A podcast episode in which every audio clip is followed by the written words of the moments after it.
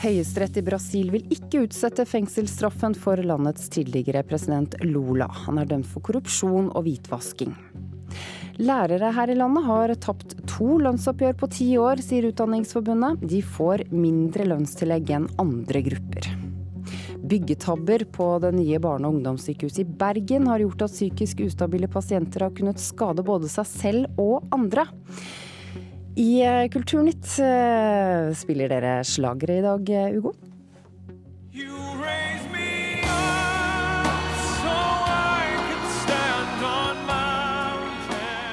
Rolf Løvlands slager, men hvem står egentlig bak melodilinjen her? Det er en islandsk komponist som forbereder søksmål mot Løvland for plagiat. Vi skal lytte til begge variantene og sier lytt selv, døm selv. Ugo Fermarello og Ida Creed er programledere i Nyhetsmorgen i dag. Velkommen. Først skal det handle om det som kalles Facebook-skandalen. Personlige opplysninger om opp mot 87 millioner Facebook-brukere kan ha blitt delt med det politiske analyseselskapet Cambridge Analytica. Det opplyste og beklaget toppsjefen i Facebook, Mark Zuckerberg, på en pressekonferanse sent i går kveld. Antallet profiler som kan være lekket er nesten dobbelt så høyt som det Facebook opprinnelig oppga, og selskapet la seg i går helt flate og innfører nå nye retningslinjer for personvern.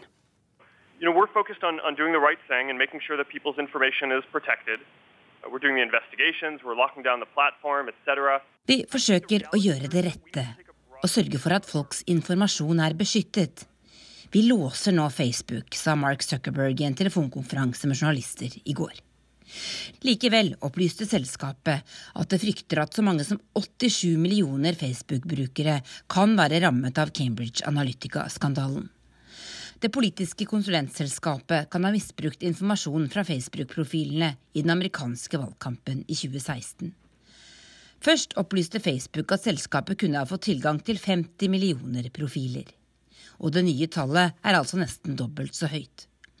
Facebook sa også i går at ondsinnede aktører har benyttet seg av et søkeverktøy på internettplattformen som har gjort det mulig å samle informasjon og oppdage identiteten til de fleste av Facebooks mer enn to milliarder brukere. Mark Zuckerberg har fått kraftig kritikk her de siste ukene. Og tirsdag og onsdag i neste uke kommer han hit til Washington for å forklare seg om skandalen både i Senatet og i Representantenes hus. Under telefonkonferansen i går fikk Zuckerberg også flere spørsmål om hvorvidt han vil trekke seg som toppsjef for selskapet han startet, og hvorvidt han er egnet til å lede det. Han svarte at han ikke har planer om å gå av, og at selskapet jobber med å rette opp sine feil. I går annonserte Facebook derfor også nye retningslinjer for personvern, som skal gjøre det vanskeligere for utenforstående å få tak i personlig informasjon om brukere. Blant annet skal gjestelister til events være mer beskyttet enn før. Facebook vil også fjerne muligheten til å søke etter brukere gjennom telefonnumre eller e-postadresser.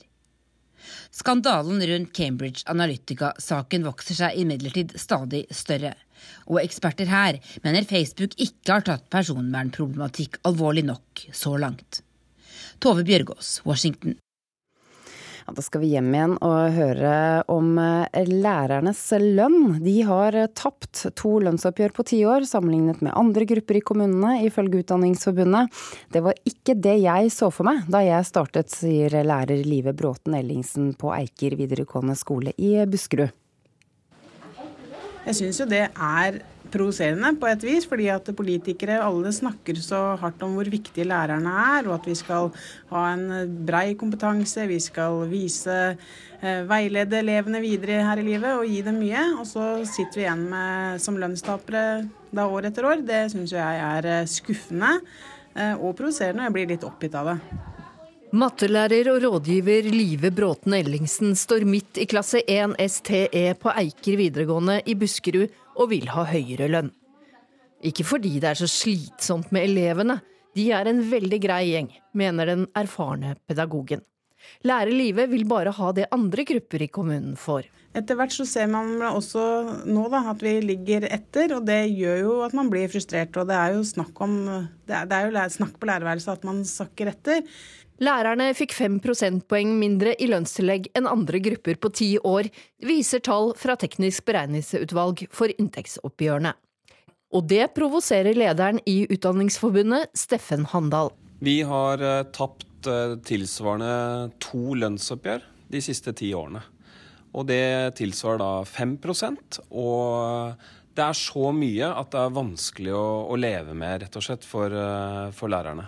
Vi, uh, vi, er i en situasjon hvor uh, vi taper både i lokale forhandlinger, og vi ser lokale arbeidsgivere som i liten grad bruker lønn for å rekruttere og beholde lærere.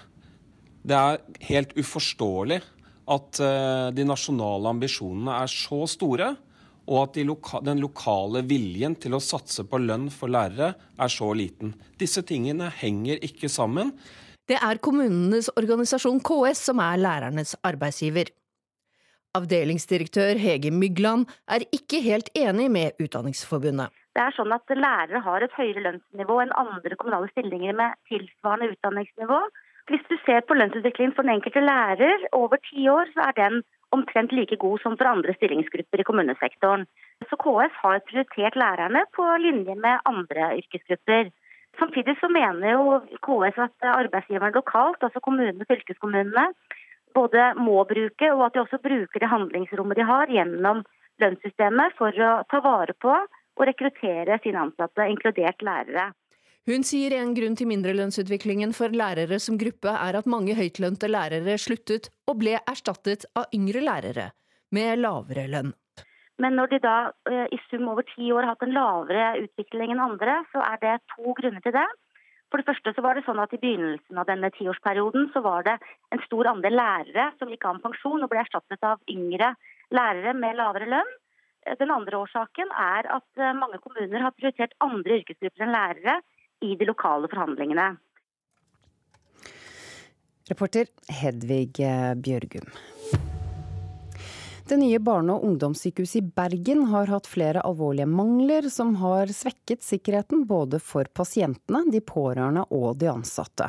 Psykisk syke pasienter har kunnet få tak i skarpe metallgjenstander, og har dermed kunnet skade seg selv eller andre. Det er og blir fortsatt gjort eh, endringer etter kritikk fra de ansatte. Klinikkdirektør Liv Kleve innrømmer at mye har vært for dårlig i dette nybygget i Bergen.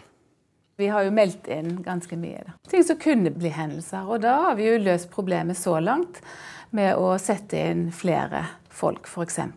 Tilsatte fortalte til NRK at de er frustrerte over mange feil og mangler ved nybygget. Seksjonsleder Nina Auro på akuttposten for psykisk helsevern vil ikke intervjues, men hun skriver til NRK. Byggtekniske utfordringer har bydd på mange problem for oss ansatte. Har det oppstått farlige situasjoner? Nei, altså alle situasjoner er blitt håndtert eh, helt bra.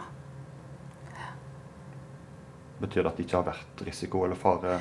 Altså, jo, det har vært situasjoner som har vært utfordrende. Seksjonsleder Auro skriver vi har eh, flere ganger måttet bemanne opp for å ivareta sikkerheten. En ungdom klarte å rive ned takplater og metallstengene som de hang i.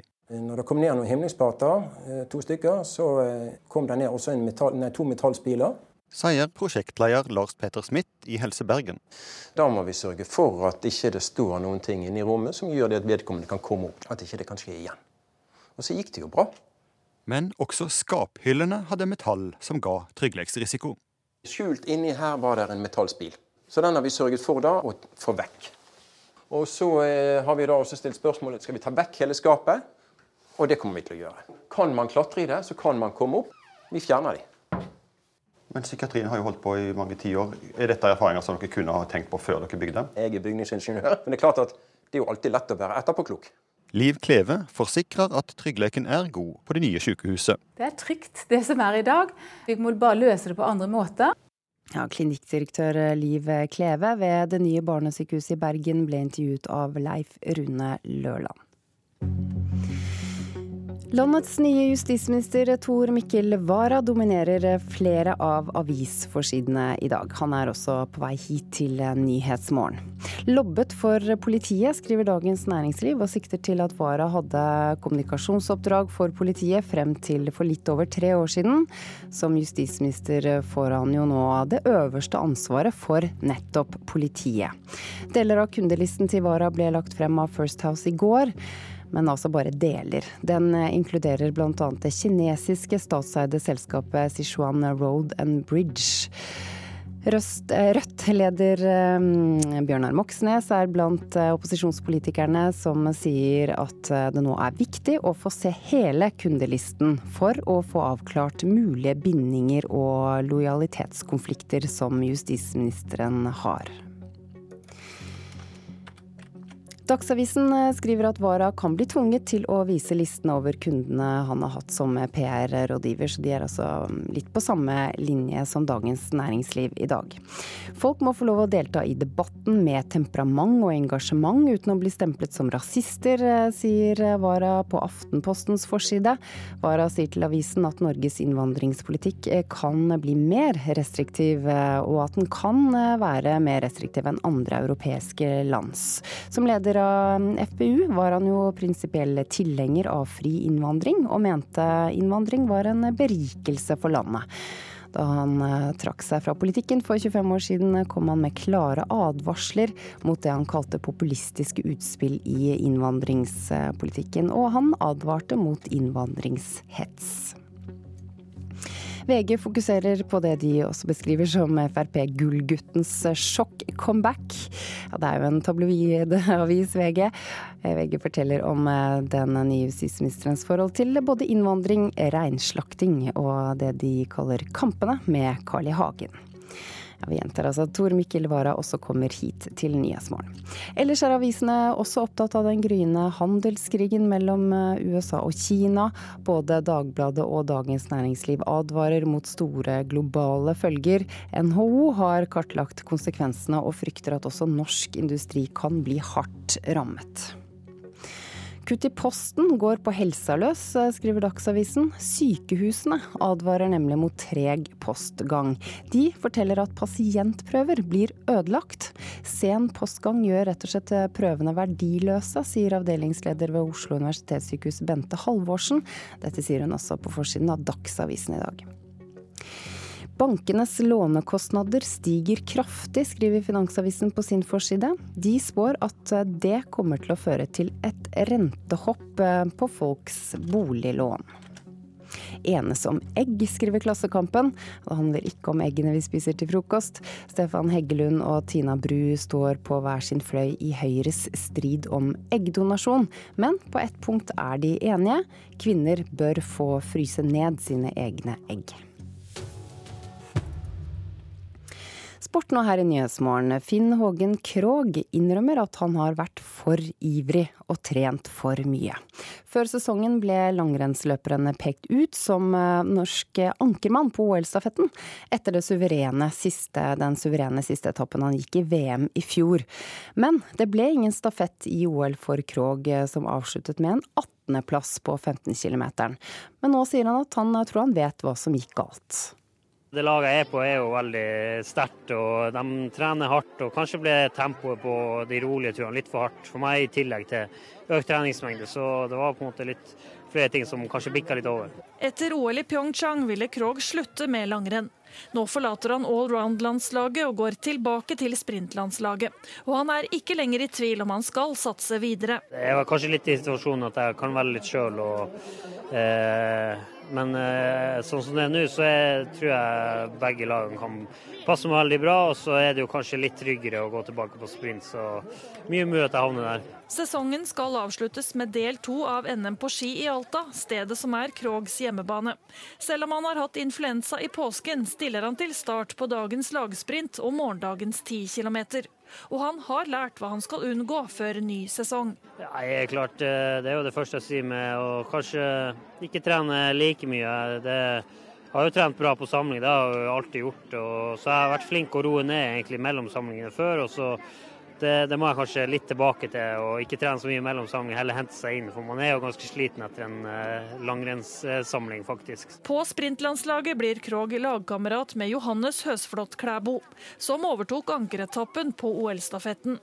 Klæbo vil gjerne ha Krog på laget. Jeg og Finn vi har eh, spilt mye PlayStation eh, siste tida sammen. og mm, Jeg tror Finn, Finn kommer til å komme, komme, til neste år igjen. og mm, det er klart Toppidretten er brutal, det går opp og ned, og sånn vil det alltid gjøre. Og I fjor så var han en eh, herjan i VM og hadde en kjempesesong. og I år har det gått litt, eh, litt tyngre, men jeg tror, eh, jeg tror Finn er motivert for å gjøre det bra til neste år. og Kjenner han rett, så kommer det til å, kommer til å gå bra. Ja, Du kan høre lagsprinten under NM på ski i NRK Sport fra klokken 16 i ettermiddag. Reporter her var Hilde Liengen. Da har klokken blitt 6.48. Det er Nyhetsmorgen du hører på. Dette er hovedsakene i nyhetene nå. Lærerne har fått mindre lønnstillegg enn andre de siste årene, sier Utdanningsforbundet. Den tidligere presidenten i Brasil, som leder på meningsmålingene før valget, må i fengsel for korrupsjon. Dataspill, er det sport, Hugo? Det er det i Drammen. For der er det den første ballklubben i Norge i hvert fall, som har tatt inn dataspill som egen idrett i klubben. Det kommer vi tilbake til. Vi begynner med Skje Tran, nemlig mediepolitikken. Den er i støpeskjeen.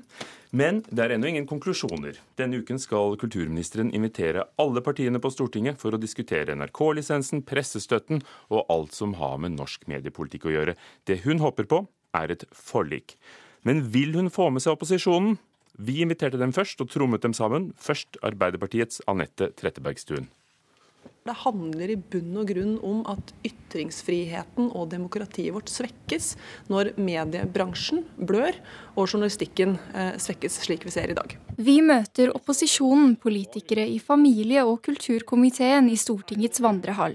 Geir Jørgen Bekkevold i Kristelig Folkeparti, Anette Trettebergstuen i Arbeiderpartiet, Åslaug Sem-Jacobsen i Senterpartiet og Freddy André Øvstegård i Sosialistisk Venstreparti sitter rundt et bord. Det å inngå et forlik eh, rundt dette, jeg syns det er positivt i seg sjøl. Men så har vi friske minner, det vi diskuterte når vi skulle diskutere, prøve å komme fram til enighet når det gjaldt finansiering av NRK. Mm. Statsråd Skei Grande? President,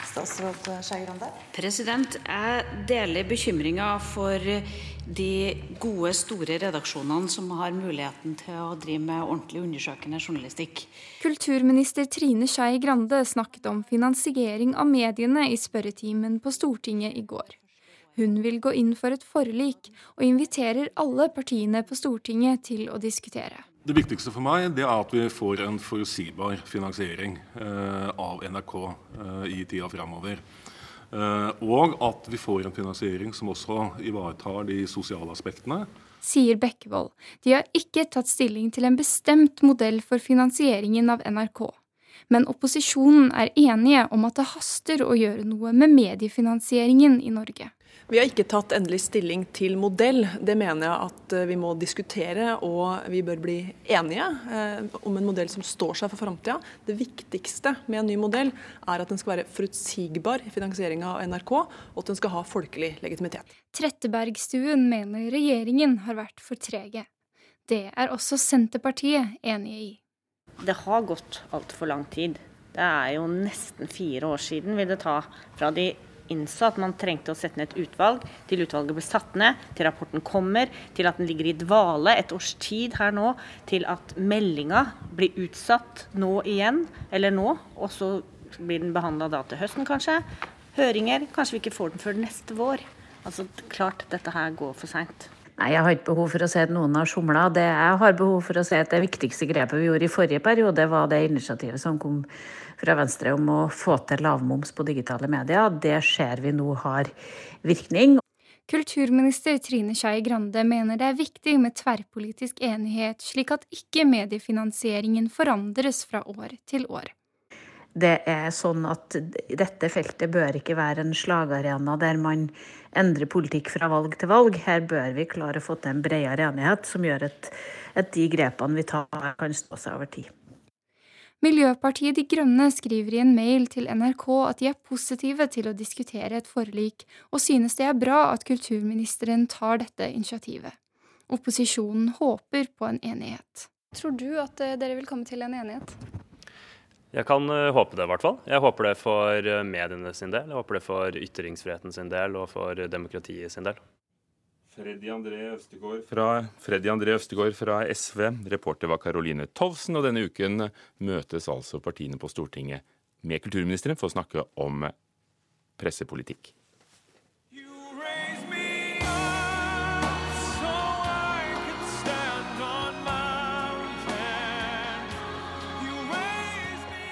En kjent slager som har vært en langeplage i, i mange år.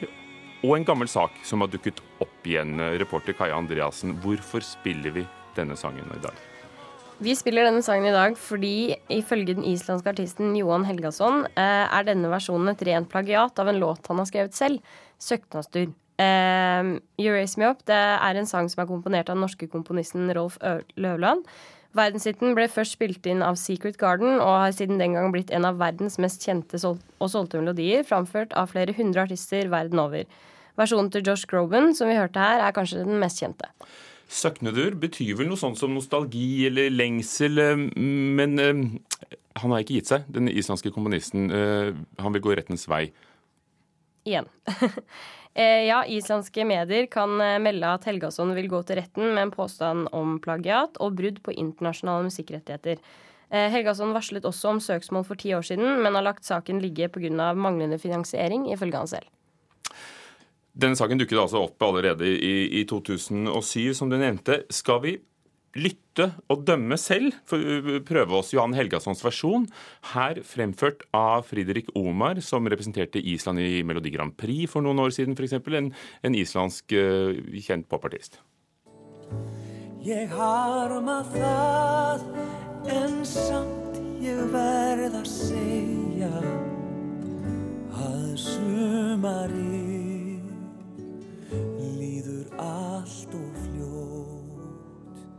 Friedrich Omar. Og nå den kjente Josh Groban.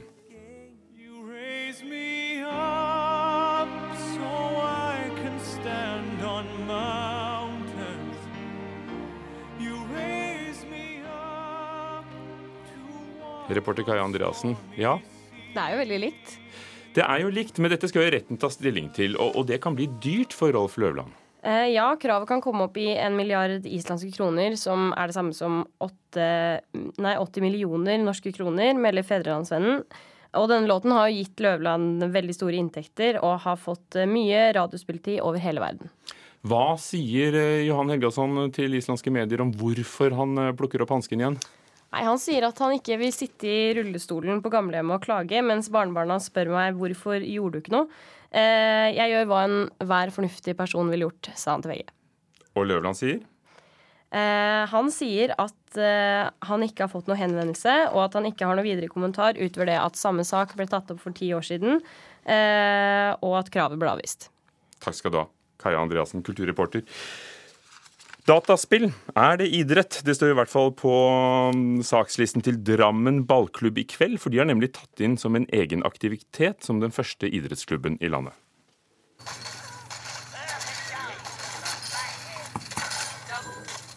Dette er lyden av idrett. Ikke som spark på ball, ikke som ski som glir gjennom snøen, eller jubelbrus i Vikersundbakken. På klubbhuset til Drammens ballklubb sitter et knippe ungdommer i foreningens spillerdrakter sterkt konsentrert med nesa klistret i tastaturet. Her er det snakk om reaksjonsevne, teknikk, fokus og spilleforståelse. Jonathan, ser du på deg sjøl som en idrettsutøver? Eh, ja, litt. På en måte. Hvorfor det? Eh, jeg holder på med e-sport, som er en idrett i mange forskjellige land. Og da mener jeg at eh, det kvalifiserer meg til, ja, til å holde med det. Holde, holde på med sport eller idrett, da. Hadde du vært med i denne idrettsforeningen uten eh, at du drev med dette her? Nei, det hadde jeg ikke. Så dette er din idrett? Ja. Dette er eneste idretten jeg holder på med. Går du inn på Drammens ballklubbs hjemmesider, ser de ved første øyekast ut som de fleste foreningers sider. En menyfane for fotball, en for ski, en for bandy og en for allidrett. Men på ett punkt skiller den seg ut. På en av fanene står det e-sport eller rett og slett dataspilling i regi av idrettsforeningen. Ja, det, det syns vi er litt tøft, da. Eh, og det er en liten historie bak dette her. For vi, vi, vi som idrettslag vi sliter som mange andre idrettslag med frafall i, i ungdomsåra. Så da mister vi, vi, medlemmer. Og vi har prøvd forskjellige ting. Eh, og med hjelp av Buskerud idrettskrets så, så, prøvde vi det som heter Kameratkåren. Og det, det var altså en fysisk aktiv tilbud, og det kom altså ingen på tilbudene våre. Eh, og så tenkte vi vi må gjøre noe annet. Og hva driver egentlig ungdommen, mange av ungdommene med? da? Og så starta vi e-sporten. Det sier Ola Jørgensen Ekeberg Apenes, som er ansatt i idrettsforeningen. Han tror mange lett har en oppfatning av en spillende ungdom som en som sitter i et dunkelt gutterom med lassevis av cola og potetgull i svært sene nattetimer. Ja, det, det, kan jeg godt skjønne. Eh, jeg har ikke gama mye sjøl, men jeg har også hatt noen sånne kvelder med kompiser. Eh, og det er jo gøy, det. Men hvis du skal eh, levere sammen et lag, så funker ikke det. Da må du ha fokus på treninga, og du må ha treningsmomenter. Og det er her egentlig idretten kan, kan gjøre en jobb inn mot dette med e-sport. Og, og, kanskje strukturere det mer og ha mer den idretts eh, idrettstankegangen om å organisere det på en, treningene på en, en god måte. Og gamerne selv tar det seriøst. Cola og potetgull er ikke tema, sier Jørgen. Hvis du skal gå som profesjonell gamer, så har uh, veldig mange uh, dietter og ting som Eller du skal på en måte holde en, en god og sunn matrutine. fordi at uh, hvis du spiser mye junkfood og dritt, så vil det sekke reaksjonsevnen din. Så ting som det er viktig å holde fokus på. da, Og at man skal ha en del fysisk aktivitet, gjerne jogge seg en runde eh, og sånne ting. da. Ja, er det noen sjanse for at du eh, Jonathan, tar deg en tur ut på banen som en følge av dette? her, At noen greier å lure deg med ut? Det er fullt mulig, det. så. Ja, For du er i en idrettsforening? Ja, jeg er med. Jonathan Rønsholm Knive, som sammen med Jørgen Kristiansen Kortvedt og Ole Jørgen Ekeberg Apenes ble intervjuet av Raymond Dalen. Ja, landets nye justisminister uh, Tor Mikkel Wara sitter utenfor studio her. Vi skal spørre om hvordan det siste døgnet har vært for ham. Men uh, først Dagsnytt.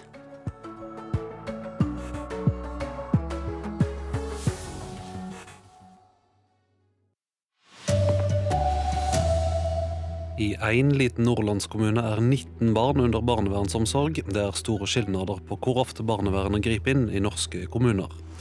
Det nye barne- og ungdomssykehuset i Bergen har hatt feil som svekker tryggleiken for pasienter og ansatte. Her er NRK Dagsnytt klokka sju. 19 barn i den vesle nordlandskommunen Steigen er under omsorg av barnevernet. I høve til folketallet er det fem ganger flere enn i andre norske kommuner.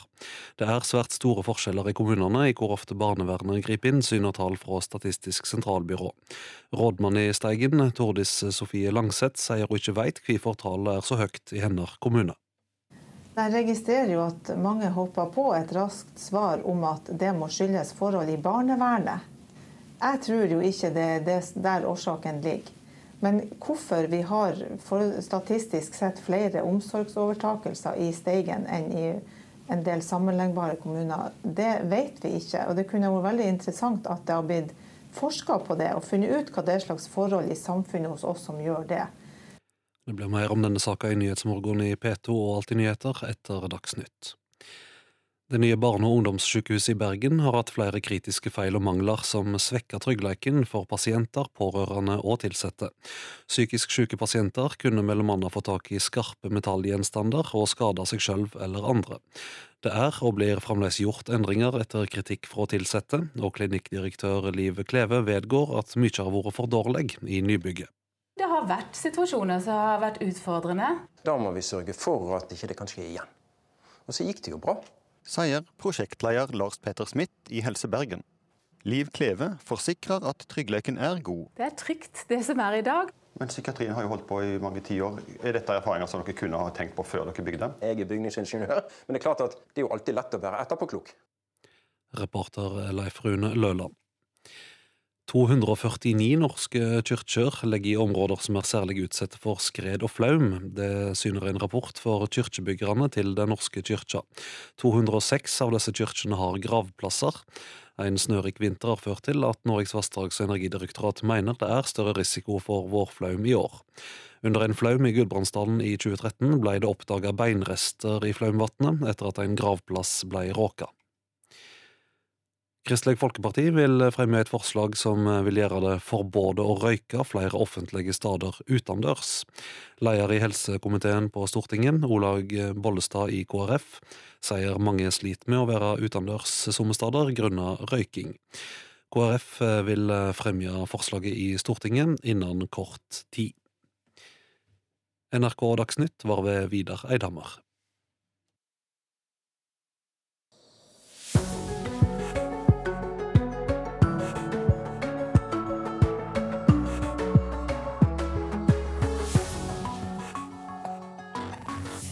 19 barn i den lille nordlandskommunen Steigen er under omsorg av barnevernet.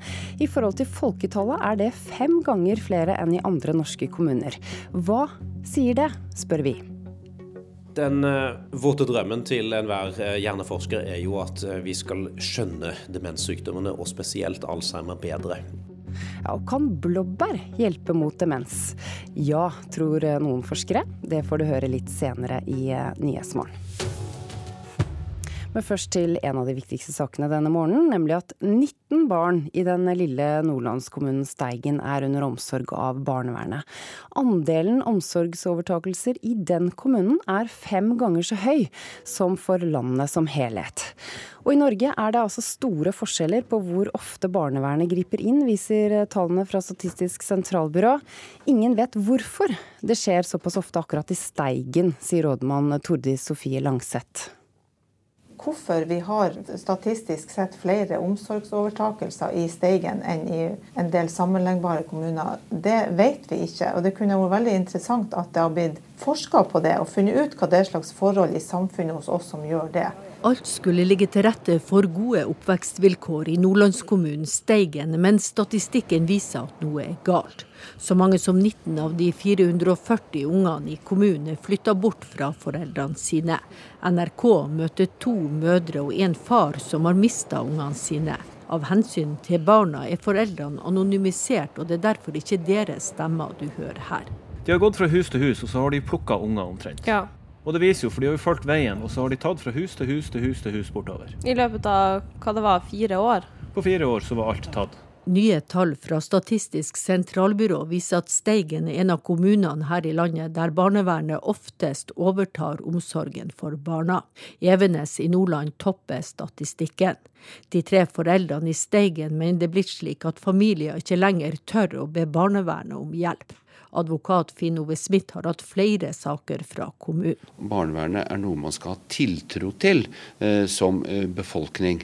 Og det er klart at Da er det uheldig at barnevernet i Steigen synes å bruke dette eh, med omsorgsovertagelse, og ikke minst akutt omsorgsovertagelse, i langt større utstrekning enn det som andre barnevern eh, gjør. Nylig tapte barnevernet i Steigen ei sak i tingretten, og ei mor fikk tilbake sine to barn.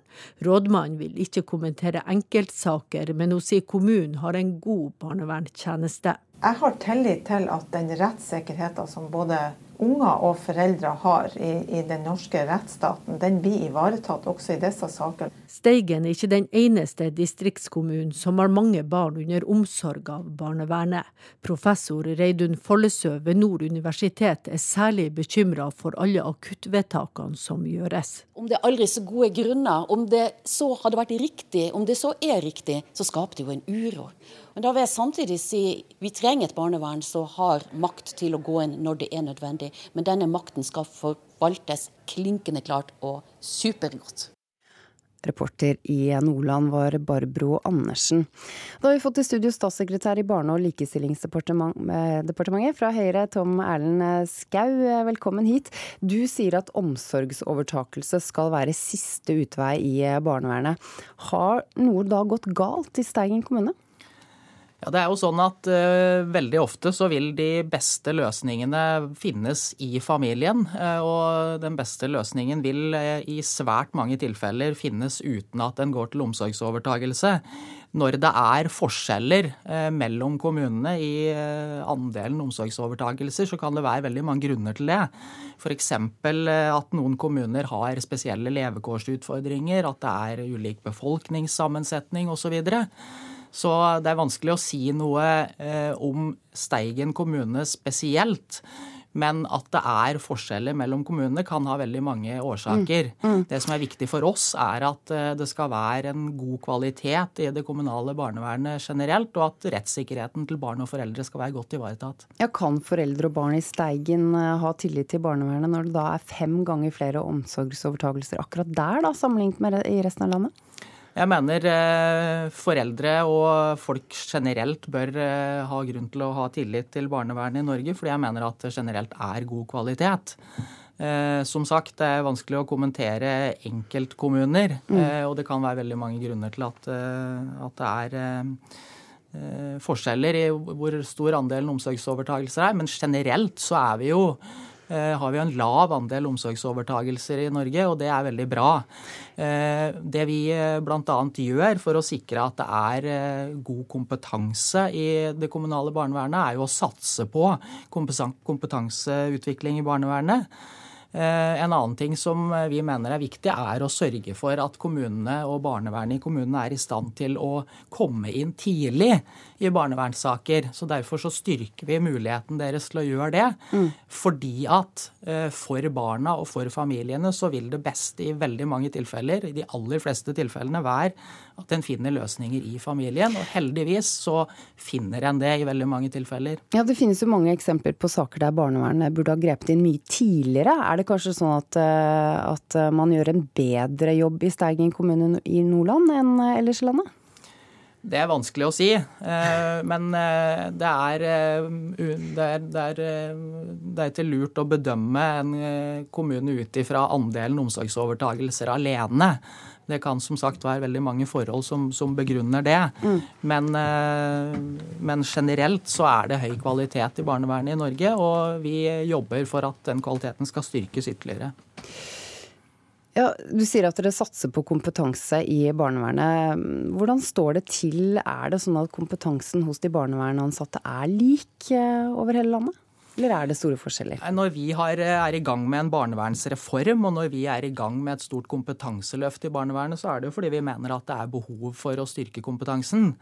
Eh, og det, det, det gjør vi, men samtidig så mener vi at eh, norske barnevernet holder høy kvalitet, og at rettssikkerheten eh, til barn og foreldre ivaretas på en god måte. Steigen til side, en undersøkelse fra Barne-, ungdoms- og familiedirektoratet som NRK omtalte for litt siden, viser at én av fire nordmenn har ingen eller lav tillit til barnevernet. Hva syns du om det? Ja, Det er eh, selvfølgelig eh, bekymringsverdig, eh, men vi mener at det er grunn til å ha tillit til det norske barnevernet generelt.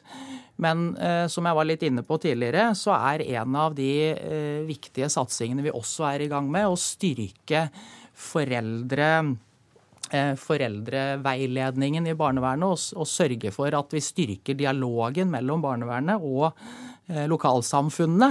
For der er det definitivt eh, fortsatt eh, en del å hente. Eh, vi mener at barnevernet har en utrolig viktig rolle å spille for å sørge for at barns rettigheter ivaretas på en god måte. Det er jo derfor vi har barnevernet. Og barnevernet er helt avhengig av å ha tillit. Eh, Så det er utrolig viktig for oss å, å jobbe med. Det er fortsatt eh, en eh, jobb å gjøre. Eh, Takk for at du kom hit til Nyhetsmorgen, statssekretær i Barne- og likestillingsdepartementet fra Høyre, Tom Erlend Skau.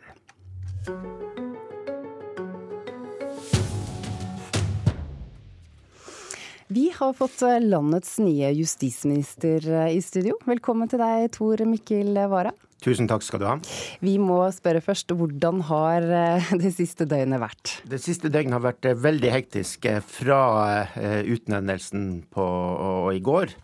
Men det er også sånn at det var nesten verre å gå og vente. Det var godt å komme i gang. Det var godt å komme i gang. Jeg har jo, vært, jeg har jo forberedt meg noen, noen døgn før dette, så, så det var bra å komme i gang. Det har vært veldig hektisk, og det skal det være. Ja. Allerede i går så måtte du svare for hendelser som skjedde for eh, 15 år siden. Du var involvert i Finance Credit-saken. Eh, Ditt rådgivningsselskap forsøkte å ansette en journalist som eh, skrev eh, kritiske saker om Finance Credit, som altså var din og deres kunde. Forstår du at spørsmål som, som dette kommer opp igjen nå? Senest Ja. i Dagens Næringsliv i dag. Ja da, det skjønner jeg godt. Det, det er helt naturlig å stille de spørsmålene. Eh, og jeg har jo tenkt igjennom disse tingene også, selvfølgelig, og, og, og derfor også orientert eh, statsministeren om det. Men Det er klart Jeg har 25 år i næringslivet siden jeg slutta med politikk, og som konsulent. Og Det betyr at jeg jobber for veldig mange bedrifter, veldig mange givende og spennende og flinke bedrifter, men også bedrifter som ikke har vært givende, og som det egentlig har vært, vært jeg ser det i ettertid veldig uheldig å være borte. Men det er ikke så lett å vite når du, når du har så mange år på baken som jeg har. Ja, ville du gjort noe annerledes i dag? Ja, hvis jeg hadde visst at jeg hadde visst, hadde visst, så hadde jeg ville ikke ha dem som kunder engang. Men, men uh, den gangen hva, hva tenker du er det verste, da? Eh, politiet har du hatt som kunde, skriver Dagens Næringsliv eh, om i dag. Ja, hva er det mest problematiske? Nei, ja, altså Denne, denne Finance Credit er jo 15 år tilbake i tiden, så den begynner liksom å, å bli borte. Og den har vært skrevet veldig mye om tidligere. Eh, og at jeg jobber for, for, politiets eh, fagforening, er jo også kjent tidligere. Ja. Og jeg har ikke gjort noe oppdrag for dem de siste tre årene. Så derfor mener jeg at det er liksom et litt tilbakelagt Som justisminister så har du da ansvaret for politiet. Det er en av de viktigste oppgavene dine. Absolutt, absolutt. Det er jo lett å tenke at det kanskje kan påvirke på en eller annen måte. Jo, men altså, jeg ser det. Men så er det viktig å huske på uh, I det øyeblikket jeg går inn i departementet, så har jeg ingen bindinger til First House eller noen av kundene lenger. Alt er avvikla, alt er solgt. Uh, og jeg mener tre år er en såpass god lang tid. Hvis, hvis, du kommer fra politikken og går til næringslivet, så er karantenetiden stort sett seks måneder uh, før du kan begynne å jobbe med, med, de sakene du gjorde i departementet. Så, så det er jo kanskje ikke rimelig å stille strengere krav til karantenetiden den veien. Din forgjenger eh, er kjent for sterke og noen ganger eh, kontroversielle uttalelser. Eh, nå skal vi høre hva Sylvi Listhaug sa om pedofile i januar i år. De monstra som driver på nettet, som lurer ungene våre. Kan du slutte deg til innholdet i dette utsagnet? Altså det, det, skjønner jeg godt at hun sier. Eh, så tenker jeg at det hun egentlig gjør, er jo på mange måter gi uttrykk for det jeg tror folk flest tenker. Ikke sant? Dette er jo ikke en, jo ikke en sånn presis det er ikke noe juridisk beskrivelse. Men hvis du av og til skal snakke til folk, så er det om å gjøre å bruke de ord som folk kjenner seg igjen i. Og der har Sylvi alltid vært veldig god til å, til å liksom ta det ned fra det litt kompliserte departementsspråket til å snakke på en måte som folk skjønner. Det, men, det men kommer, du, kommer, du, til å stå for en sånn type retorikk? Jeg har en stor jobb med å gjøre å oversette departement og politikerspråk til folk flest. Det mener jeg er en forpliktelse for oss å gjøre. Det er tross alt et demokrati, et folkedemokrati. Så vi som politikere har to jobber. Det ene jobben er å få sørge for at den riktige politikken blir gjennomført. Men vi har også en jobb å forklare politikken med sånne ord at folk skjønner hva det er. Så er det sånn at jeg er annerledes enn Sylvi, og jeg ikke vil bruke sikkert de samme ordene men jeg har den samme forpliktelsen og det samme ønsket om å bli forstått. Mm. Eh, mange har jo også de siste dagene sagt at du har blitt eldre i løpet av disse 25 årene, så får vi se hva det innebærer. Eh, riktig politikk snakker du om. Et annet stort tema som du får ansvaret for, er jo innvandringspolitikken i Norge. Aftenposten skriver i dag at innvandringspolitikken faktisk kan bli mer restriktiv. Har avisen rett i det? Altså det, det som var spørsmålet, er om, om kan norsk innvandringspolitikk være mer restriktiv enn resten av Europa. Og det kan den. Det er ja. viktig å ha den riktige innvandringspolitikken innenfor de lover og regler som, som, gjelder. Og det er ikke sånn at det er om å gjøre for oss å treffe det europeiske nivået til enhver tid. Men er innvandringspolitikken streng nok i dag? Nei, altså Vi har behov for innstramninger, og nå har regjeringen eh, gjennomført og vedtatt noen innstramninger. Jeg mener at det hadde vært grunn til å vedta noen flere som vi ikke fikk flertall for i Stortinget. Danskene har strengere regler. Eh, hva kan være konsekvensen av å følge danskene? Nei, altså Jeg tror vi skal se på det norske forholdet. Men vi skal selvfølgelig lære når det gjelder de, de, reglene som er i andre land, og se hva vi kan gjøre der. Men altså dette er to ting. Vi skal ha restriktiv politikk, men den skal også være ansvarlig. Vi har en jobb å gjøre. Og for, for min del så er det sånn at dette er, dette er et område som regjeringen har jobba mye med og igangsatt. Og det var det for så vidt verken min eller Sylvi Listhaug sin private innvandringspolitikk. Dette er regjeringens politikk. Okay. Eh, til slutt et eh, sitat fra 1993. Å bli politiker er omtrent som å prostituere seg. Først gjør du det for moro skyld, så blir du presset til det, og til slutt kan du like godt ha betalt for det. Dette sa du til Bergens Tidende i 1993. Hva tenker du om det i dag? Nei da, det var et flåsete uttalelse fra 25 år siden. Det var jo et forsøk på å, å det, det, er nesten som et russekort, men uh, vi lar det på, uh, Jeg tror ikke jeg skal forsvare det. jeg syns det var morsomt, det. Eh, takk for at du kom, eh, justisminister Tor Mikkel Wara. Tusen takk. Lykke til også. Og eh, Bjørn Myklebust, du har sittet og hørt på. Du er eh, programleder i Politisk kvarter i dag. Jeg vet ikke helt hva dere skal snakke om, jeg. Ja. Vi, vi, skal finne ut hva som sto på russekortet til Tor Mikkel Wara. Nei, vi, skal få, vi får besøk av sjefen din, Wara, og vi skal snakke om deg, så du får, du får høre på. Um, og så skal vi snakke om landsmøtet til Høyre, som åpner i morgen. Der blir det kamp om pengene til Forsvaret.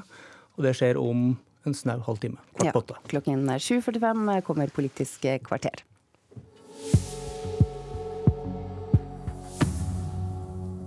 I en liten nordlandskommune er 19 barn under barnevernsomsorg. Det er store forskjeller på hvor ofte barnevernet griper inn i norske kommuner.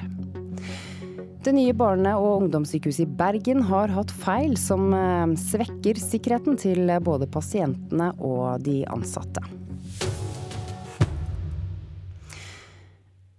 Så skal vi høre at en nordmann er utpekt som en av hovedmennene i en stor opprulling av en kokainsmuglerliga i Colombia. Han er nå i varetekt eh, i landet. Este noruego estuvo preso en su país en el año 2014, llegó a Colombia a, exactamente a Cartagena. Colombiansk fjernsyn forteller at mannen går under aliaset Nordmann. Han og tolv andre ble pågrepet i en koordinert aksjon i internasjonalt farvann og her i Colombia i påska, men nyheten ble først kjent for noen timer siden. Narkotikapolitiet har offentliggjort bilder av nordmannen idet han blir pågrepet i Cartagena, i rød T-skjorte og grønn kortbukse. Han skal ha bodd i Cartagena de to siste åra, og ses på som en av hovedpersonene i en narkotikasmuglerliga som angivelig har bånd til det mektige Gulfkartellet. Han er mistenkt for å ha distribuert kokain og for å være smuglerligaens finanssjef. Colombiansk politi har etterforsket i halvannet år før de gikk til aksjon. Over 1000 kilo kokain ble beslaglagt. General Jorge Vargas, som leder det colombianske kriminalpolitiet, forteller at nordmannen solgte billige seilturer til turister på gata i Cartagena. Det turistene ikke visste, var at seilbåtene også var lastet med kokain. Virksomheten kan ha gitt smuglerligaen opptil 80 millioner kroner i måneden, ifølge general Vargas. Havnemyndighetene kontrollerer ikke seilbåtene, og dermed ble flere titalls kilo kokain smuglet ut, lastet om i hurtiggående båter og fraktet videre til land i Asia via Mexico, sies det her. Sumado al, a los precios le daba 12 millones de dólares de ganancias a la organización. Narkotikapolitiet har tatt i arrest minst fem seilbåter som nordmannen eier, og stengt fem salgskontorer som solgte seilturene. Ifølge radiokanalen HSB har nordmannen tidligere sonet en narkotikadom i Norge. Anders Tvegård, Bogotá, Colombia. Da skal vi videre til Brasil, for den tidligere presidenten der, Luis Inacio Lula da Silva, må sone tolv år i fengsel. Han er nemlig dømt for korrupsjon og hvitvasking. Det ble klart etter at Høyesterett i dag avslo å utsette fengselsstraffen. Dette kom på nyhetsbyråene for eh, bare kort tid siden. Et knapt flertall av høyesterettsdommerne snur dermed opp ned på presidentvalget i Brasil, for der leder faktisk Lula på meningsmålingene. De var ikke mange tusen, men kravet fra demonstrantene som mobiliserte millionbyene Rio de Janeiro og Sao Paulo i Brasil denne uken, var tydelig. Vi vil ha Lula i fengsel og få en slutt på straffefrihet. Jeg vil at denne mannen, alle korrupte personer i dette landet, havner i fengsel, sier en mann som har kledd seg ut som Batman til nyhetsbyrået Reuters. Men selv hevder Lula at det er andre som er korrupte, og at anklagene mot ham er politisk motivert, konstruert for å forhindre ham fra å vinne velgernes tillit på ny i oktober, og ta fatt på en tredje periode som landets president. Lula har derfor anket dommen han fikk i 2017 på tolv år, dømt for korrupsjon og hvitvasking. I går var det opp til landets høyesterettsdommere å avgjøre om den tidligere presidenten må starte soningen, eller om han kan vente så lenge ankesaken pågår. I natt norsk tid stemte seks dommere for å sende Lula i fengsel, mens fem ønsket å utsette soningen. Det er dermed ventet at Lula blir arrestert i løpet av få dager. Men han er i full gang med valgkampen. Den 72 år gamle politiske tungvekteren fra venstresiden leder nå på meningsmålingene, og høyesterettsdommernes avgjørelse vekker sterke reaksjoner. Lulas støttespillere demonstrerer nå i gatene mot avgjørelsen. Det var utenriksmedarbeider Charlotte Bergløff som eh, orienterte.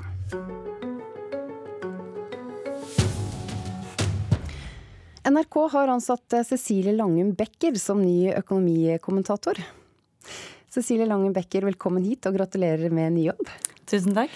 Lyttere og seere kommer til å høre mye til deg fremover. Eh, derfor har vi deg i studio nå. Eh, vi tenkte vi skulle introdusere deg litt. Akkurat nå er du digitalsjef i Dagens Næringsliv. Så hvorfor vil du ha denne jobben? Nei, det var jo så nærme drømmejobben som jeg kanskje kunne komme. NRK er jo et veldig spennende sted. Det er, det er veldig stort. NRK er fryktelig flinke på veldig mye. Og så er det akkurat dette um, økonomifeltet som NRK kanskje har noe å hente. Og jeg så vel kanskje en spennende utviklingsmulighet der for NRK, og håper veldig at jeg kan være med på å løfte NRKs satsing nå på økonomistoff. Ja, Økonomi er et stort fagfelt eh, som kan virke komplisert hvis man ikke er veldig spesielt interessert. Eh, hva kan man gjøre for å, for å gjøre dette mer forståelig for folk flest, syns du? Ehm, jeg tror det handler mye om å gjøre det relevant for eh, de som eh, de man prøver å formidle økonomistoff til. Det handler om å ta det helt hjem. Ehm, alle de store makroøkonomiske, makroøkonomiske sammenhengene de, de, slår jo inn på lommeboken på et eller annet vis.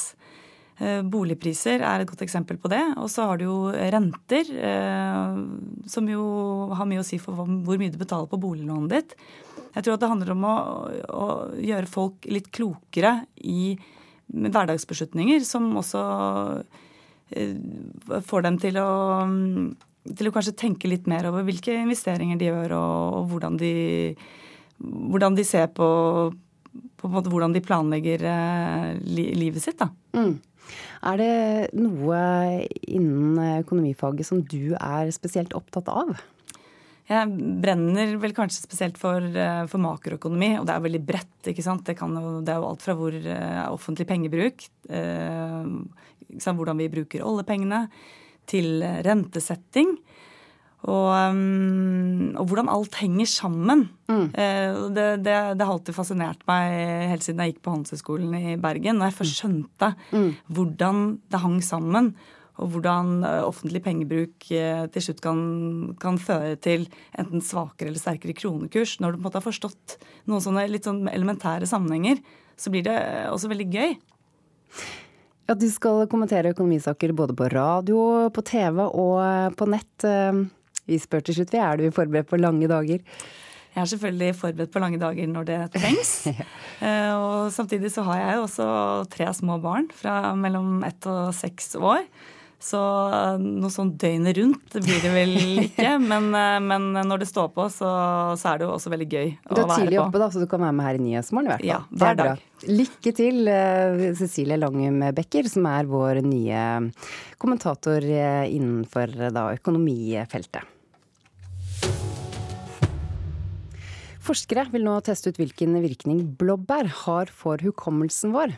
De leter etter personer i Bergen, Stavanger og Oslo som vil være med på denne undersøkelsen. Og håpet er da å ta et skritt nærmere løsningen på demensgåten. Du, Tror du et halvt kilo blåbær hver dag vil eh, gjøre noe med hukommelsen din? Ja, det hjelper jo for det meste.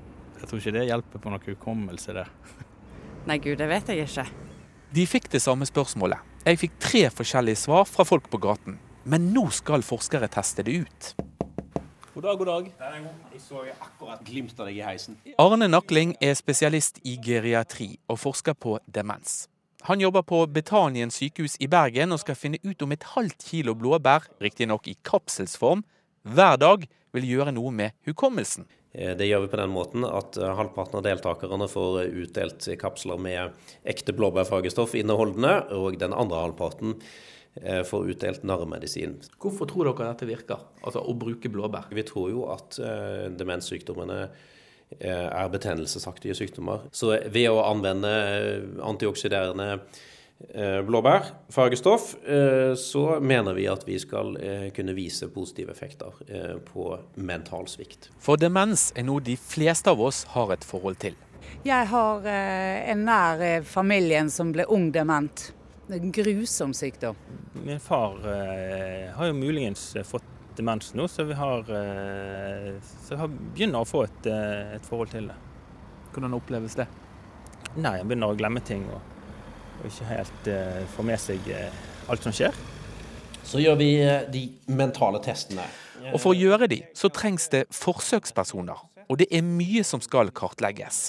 Hukommelse, det er visuell hukommelse. Så har du språk, og du har romlig forestillingsevne. Håpet er å få 240 personer mellom 60 og 80 år med på dette forskningsprosjektet, som har sin hovedbase på Universitetssykehuset i Stavanger. Den uh, våte drømmen til enhver uh, hjerneforsker er jo at uh, vi skal skjønne demenssykdommene, og spesielt Alzheimer, bedre. Men er blåbær løsningen? Det er nok kun en del av løsningen. Så enkelt er det ikke. Det er ett steg av mange viktige steg. Hvor langt unna er vi fra å løse den gåten? Det er nok vanskelig å svare på. Men tror du den blir løst? Ja, vi tror på at denne demensgåten blir løst. Det er jo svært mange utover hele verden som forsker på dette. Det sa Arne Nakling, som er spesialist i geriatri. Og er du interessert i å være med i dette forskningsprosjektet, så kan du sende en e-post til sesamforskningalfakrøllsus.no.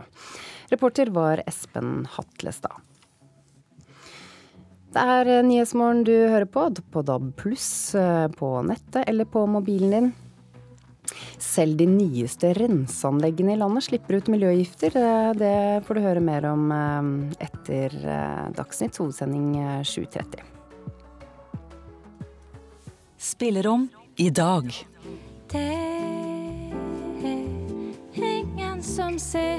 Dette er første og siste gang du hører Kjersti Stubø tolke de ukjente låtene hun fant etter faren, jazzgitarist Torgeir Stubø. Hun rakk akkurat å spille dem inn før hun ble hørselsskadet og mistet evnen til å synge.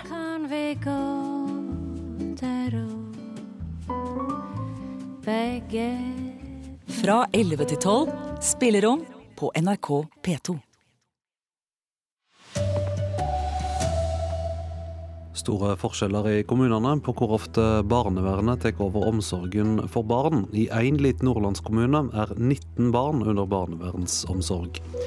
Personlige opplysninger om hele 87 millioner Facebook-brukere kan ha blitt delt med omstridt analyseselskap. Nordmann fengsla i Colombia mistenkt for å være hovedmann i kokainsmuglerbandet. Her er NRK Dagsnytt klokka 7.30. 19 barn i den vesle nordlandskommunen Steigen er under omsorg av barnevernet. I høve til folketallet er det fem ganger flere enn i andre norske kommuner. Ingen veit hvorfor det skjer så ofte i Steigen, sier rådmann Tordis Sofie Langseth.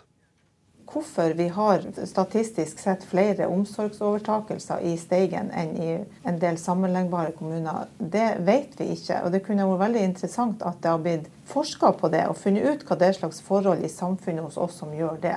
Alt skulle ligge til rette for gode oppvekstvilkår i nordlandskommunen Steigen, men statistikken viser at noe er galt.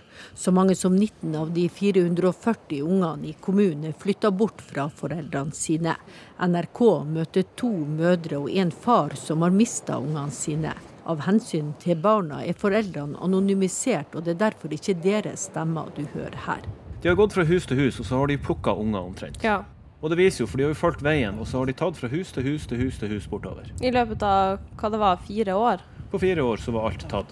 Nye tall fra Statistisk sentralbyrå viser at Steigen er en av kommunene her i landet der barnevernet oftest overtar omsorgen for barna.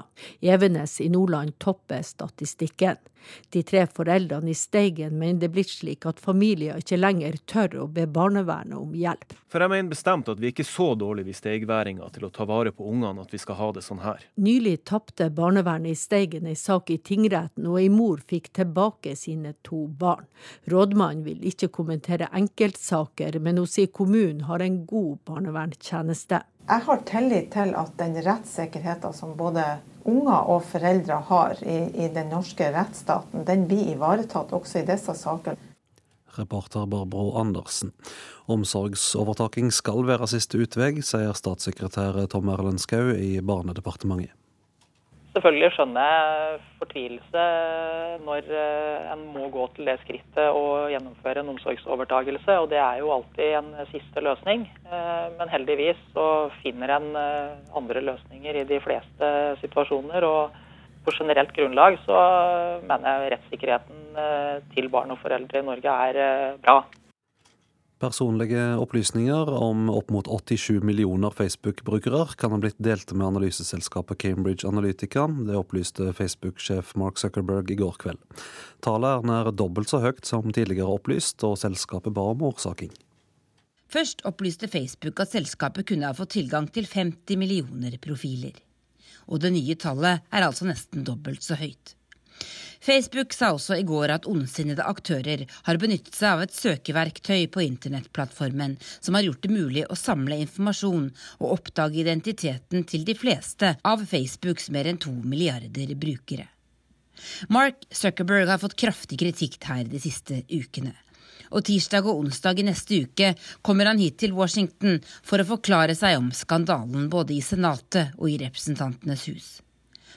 Under telefonkonferansen i går fikk Zuckerberg også flere spørsmål om hvorvidt han vil trekke seg som toppsjef for selskapet han startet, og hvorvidt han er egnet til å lede det. Han svarte at han ikke har planer om å gå av, og at selskapet jobber med å rette opp sine feil. I går annonserte Facebook derfor også nye retningslinjer for personvern, som skal gjøre det vanskeligere for utenforstående å få tak i personlig informasjon om brukere. Blant annet skal gjestelister til events være mer beskyttet enn før. Facebook vil også fjerne muligheten til å søke etter brukere gjennom telefonnumre eller e-postadresser. Skandalen rundt Cambridge Analytica-saken vokser seg imidlertid stadig større, og eksperter her mener Facebook ikke har tatt personvernproblematikk alvorlig nok så langt. Tove Bjørgaas, Washington. Høyesterett i Brasil avslår å utsette fengselsstraffa til den tidligere presidenten Lula da Silva, og han kan bli arrestert innen kort tid.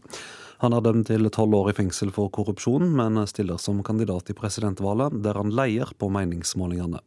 Lula ba Høyesterett utsette fengselsstraffa til ankesakene var ferdige. Lærerne har fått mindre i lønnstillegg enn andre grupper de siste ti åra, ifølge Utdanningsforbundet. Det var ikke dette jeg så for meg da jeg starta, sier lærer Live Bråten Ellingsen på Eiker videregående skole. Jeg syns jo det er provoserende på et vis, fordi at politikere alle snakker så hardt om hvor viktige lærerne er, og at vi skal ha en brei kompetanse, vi skal vise eh, veilede elevene videre her i livet og gi dem mye. Og så sitter vi igjen med, som lønnstapere da år etter år. Det syns jeg er eh, skuffende eh, og provoserende, og jeg blir litt oppgitt av det.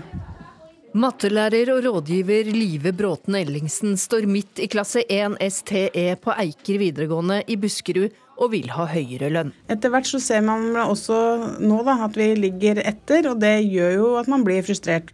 Lærerne fikk fem prosentpoeng mindre i lønnstillegg enn andre grupper på ti år, viser tall fra Teknisk beregningsutvalg for inntektsoppgjørene. Og det provoserer lederen i Utdanningsforbundet, Steffen Handal. Vi har uh, tapt uh, tilsvarende to lønnsoppgjør de siste ti årene. Det er så mye at det er vanskelig å, å leve med, rett og slett, for, uh, for lærerne. Det er kommunenes organisasjon KS som er lærernes arbeidsgiver. Avdelingsdirektør Hege Mygland er ikke helt enig med Utdanningsforbundet. Hun sier en grunn til mindrelønnsutviklingen for lærere som gruppe er at mange høytlønte lærere sluttet og ble erstattet av yngre lærere, med lavere lønn. Den andre årsaken er at eh, mange kommuner har prioritert andre yrkesgrupper enn lærere i de lokale forhandlingene. Reporter Hedvig Bjørgum. En nordmann er utpekt som en av hovedmennene i ei stor kokainsmuglingssak i Colombia. Han er nå i colombiansk varetekt. Este noruego estuvo preso en su país en el año 2014, llegó a Colombia a, exactamente a Colombiansk fjernsyn forteller at mannen går under aliaset 'Nordmann'. Han og tolv andre ble pågrepet i en koordinert aksjon i internasjonalt farvann og her i Colombia i påska, men nyheten ble først kjent for noen timer siden. Han skal ha bodd i Cartagena de to siste åra, og ses på som en av hovedpersonene i en narkotikasmuglerliga som angivelig har bånd til det mektige Gulfkartellet. Han er mistenkt for å ha distribuert kokain og for å være smuglerligaens finanssjef. Colombiansk politi har etterforsket i halvannet år før de gikk til aksjon. Over 1000 kilo kokain ble beslaglagt. General Jorge Vargas, som leder det colombianske kriminalpolitiet, forteller at nordmannen solgte billige seilturer til turister på gata i Cartagena. Det turistene ikke visste, var at seilbåtene også var lastet med kokain. Virksomheten kan ha gitt smuglerligaen opptil 80 millioner kroner i måneden, ifølge general Vargas. Havnemyndighetene kontrollerer ikke seilbåtene, og dermed ble flere titalls kilo kokain smuglet ut, lastet om i hurtiggående båter og fraktet videre til land i Asia via Mexico, sies det her. Ifølge radiokanalen HSB har nordmannen tidligere sonet en narkotikadom i Norge. Anders Tvegård, Bogotá, Colombia. Forskere vil finne ut hva virknad blåbær har for minnet vårt. De leter nå etter folk i Bergen, Stavanger og Oslo som vil være med på undersøkinga. Målet er å komme et steg nærere løsninga på demensgåta. Du, Tror du et halvt kilo blåbær hver dag vil eh, gjøre noe med hukommelsen din? Ja, det hjelper jo for det meste. Jeg tror ikke det hjelper på noe hukommelse, det. Nei, gud, det vet jeg ikke. Arne Nakling er spesialist i geriatri og forsker på demens. Han jobber på Betanien sykehus i Bergen og skal finne ut om et halvt kilo blåbær, riktignok i kapselsform, hver dag vil gjøre noe med hukommelsen. Vi tror jo at uh, demenssykdommene uh, er betennelsesaktige sykdommer. Så ved å anvende antioksiderende Eh, blåbær, fargestoff, eh, så mener vi at vi skal eh, kunne vise positive effekter på mental svikt. Håpet er å få 240 personer mellom 60 og 80 år med på dette forskningsprosjektet, som har sin hovedbase på Universitetssykehuset i Stavanger. Det skal nettopp være folk som ikke har demens, men de skal ha en tydelig utvikling av mental svikt. De ønsker også personer som har to forskjellige hjerte- og karsykdommer. Den uh, våte drømmen til enhver uh, hjerneforsker er jo at uh, vi skal skjønne demenssykdommene, og spesielt Alzheimer, bedre. Men er blåbær løsningen? det er nok kun en del av løsningen. Reporter Espen Hatlestad. Ansvarlig for sendinga Arild Svalbjørg og Vidar Eidhammer.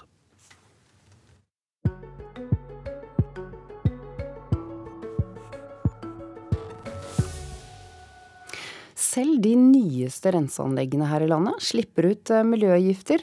Et av dem er anlegget i Kristiansund, som ble åpnet så sent som i fjor. Det fyller eh, rensekravene med gode marginer, men eh, sender likevel giftstoffer rett ut i Atlanterhavet.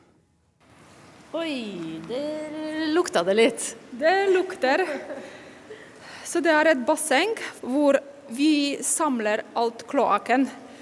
Du ser det, det er en del fett. Det er eh, store partikler papir. Det er meget forurenset. Rensekravene i Kristiansund er som i de fleste kystkommunene. Det er krav om fjerning av partikler for å få bort søppel. Vi fjerner eh, store enheter søppel fra, fra avløpsvann. Eh, så videre der blir fjernet sand og fett. Så videre går gjennom flokuleringskammeret og sedimenteringskammeret, hvor resten av partikler, slampartikler sedimenterer og blir fjernet. Overingeniør Sylvia Sivertsen er stolt av eh, anlegget, fordi at eh, rensekravene blir oppfylt, og vel så det. Det er dette vannet som vi slipper ut i havet. Det er søppel er fjernet, det er ikke fett, det er ikke store slampartikler, og man ser godt gjennom, uh, gjennom vannet. Og det lukter ikke sånn som det gjorde i starten? Og det lukter ikke, ja. Så det vannet den blir kjøpt ut på 55 meters dybde og 200 meter eh, lengde fra renseanlegg. Og naturen klarer seg for å bryte resten av stoffene som er i vannet. Ja, naturen klarer å ta imot og bryte ned resten av stoffene. F.eks. nitrogen og fosfor. Det vet man fordi det blir jevnlig tatt prøver fra havet utafor anlegget. Anne Melbø hos Fylkesmannen har tilsyn med kloakkrenseanleggene i de tre største byene, og hun sier at reglene blir fulgt. I Kristiansund så er det i hvert fall bygd et uh, flunkende nytt uh, anlegg nå som følger reglene. Det er jo basert på et EU-direktiv. Men hva med alle de giftstoffene som finnes i så små mengder at de ikke blir fanga opp i et mekanisk system? Det som går på lite nedbrytbare stoff som man finner igjen i, i fisk og annen plass. Miljøgifter og, og, den type ting. Ja. Det sier regelverket ingenting om. Det er ikke krav til rensing på det. Det finnes mange stoffer som vi daglig bruker uten at vi vet nok om dem. I kremmer, sjampo, såper, klær, til og med mat. Vi vet bare at de er vanskelig å bryte ned, at naturen ikke greier det, og dermed så hoper de seg opp. Bare det at de bygges opp, at du finner det igjen da i fisk, og at det blir oppkonsentrert i næringskjeden, det er et tegn på at dette kan være farlig. Hva skal vi gjøre for å bli kvitt dem? Om vi blir flinkere til å rense dem ut av vannet, så vil de likevel finnes i slammet. Og det slammet vi sentrifugerer og kjører til Vestnes, det er den ekte bæsjen som vi fjerner. Okay. Så det er det som eh, går til jordforbedring, rett og slett? Ja. Det som er med sånne stoffer, er at de er skadelige i veldig, veldig små konsentrasjoner. Eh, så du får aldri rensa godt. Det er i hvert fall vanskelig å få rensa det godt nok. Melbø sier myndighetene derfor jobber internasjonalt for å forby de farlige stoffene, og hun oppfordrer oss forbrukere til å bli mer bevisst. Redusere litt forbruket, for det, det vil igjen redusere utslippene. Om vi ikke lærer oss navn på siloxaner og andre miljøgifter, kan vi se etter svanemerket. Ja, det, det er en veldig bra måte å, å hjelpe til som forbruker. Reporter var Anne Mari Flatseth. Dette er Nyhetsmorgen, og dette er de viktigste sakene denne morgenen. Det er store forskjeller i kommunene på hvor ofte barnevernet tar over omsorgen for barn. I én liten nordlandskommune er 19 barn under barnevernsomsorg. Personlige opplysninger fra så mange som 87 millioner Facebook-brukere kan ha blitt delt med omstridt analyseselskap. Og en nordmann er fengslet i Colombia. Han er mistenkt for å være hovedmann i en kokainsmuglerbande. Det er eh, Bjørn Myklebust som er programleder i Politisk kvarter i dag. Han eh, har eh, med seg statsminister Erna Solberg i dag.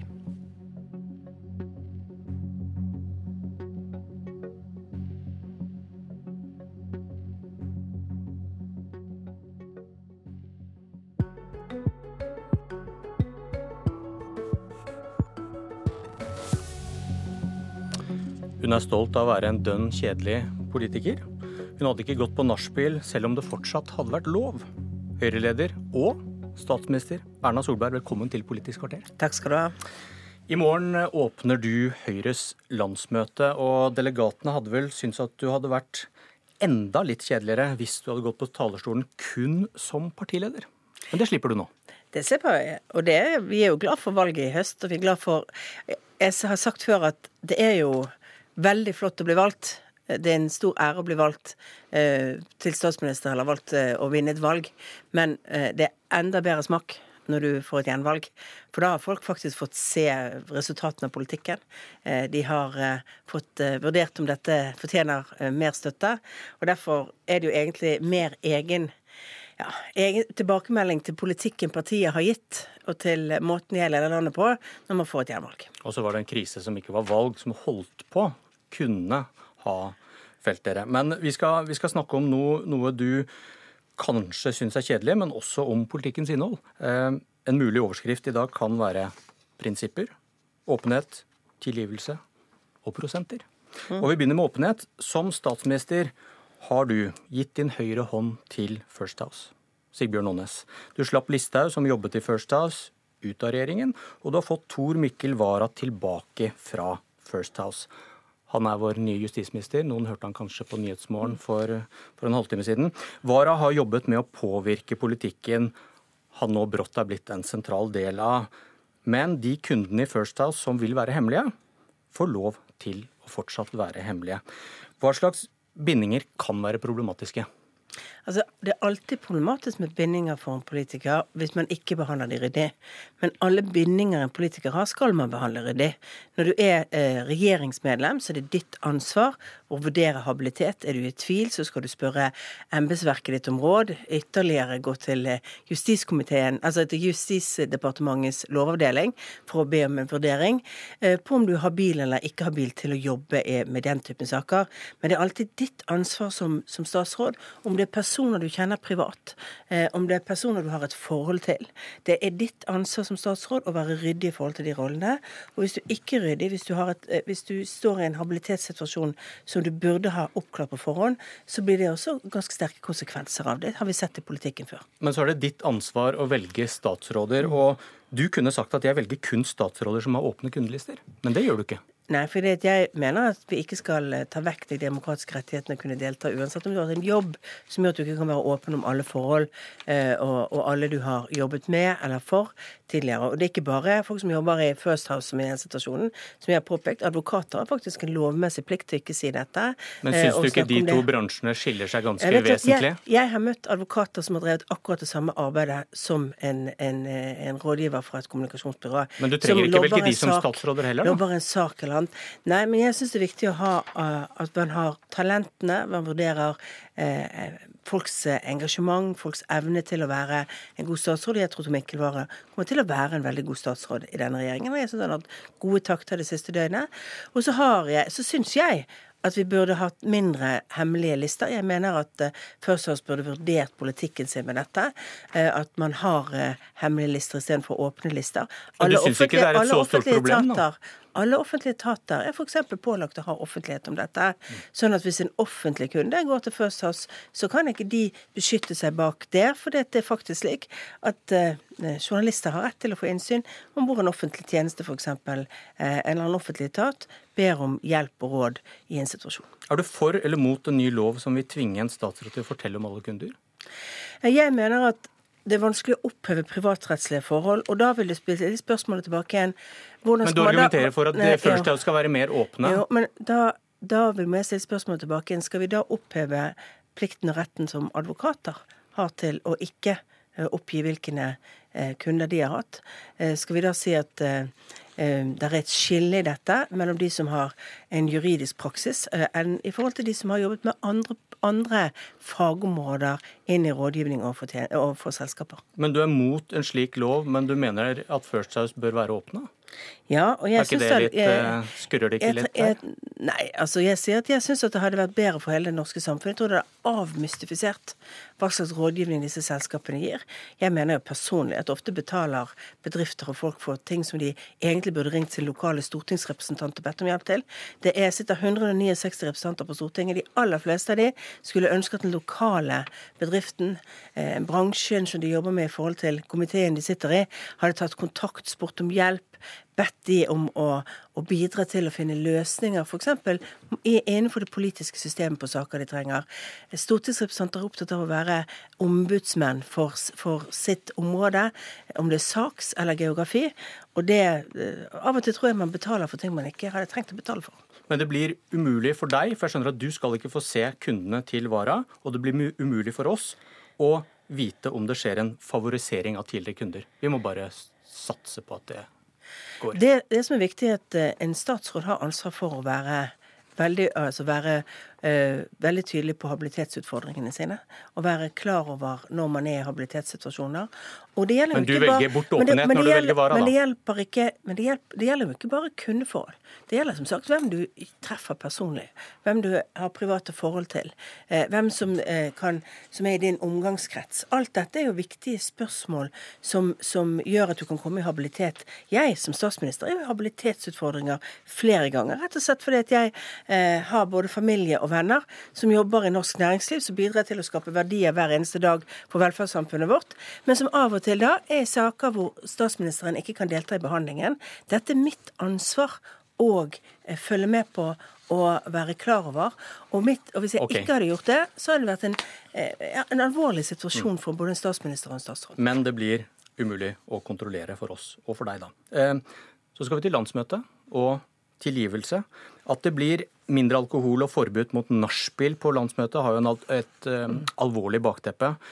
Ung og gammel sammen, seksuell trakassering og metoo-sakene. Kristian Tonning Riise har brutt Høyres regel, mo- regler mot seksuell trakassering og får ikke lov til å komme på landsmøtet. I din regjering så har du Søviknes, som for 17 år siden hadde sex med en full 16-åring på et partimøte. Men du har gitt han tillit og sagt at det er tid for å gi en ny sjanse, og at det er mulig å gi en ny sjanse. Dette mener jeg er en verdi i det norske samfunnet, at folk får en ny sjanse. Hvor setter du grensen for hvem som skal nyte godt av denne norske verdien, og ikke?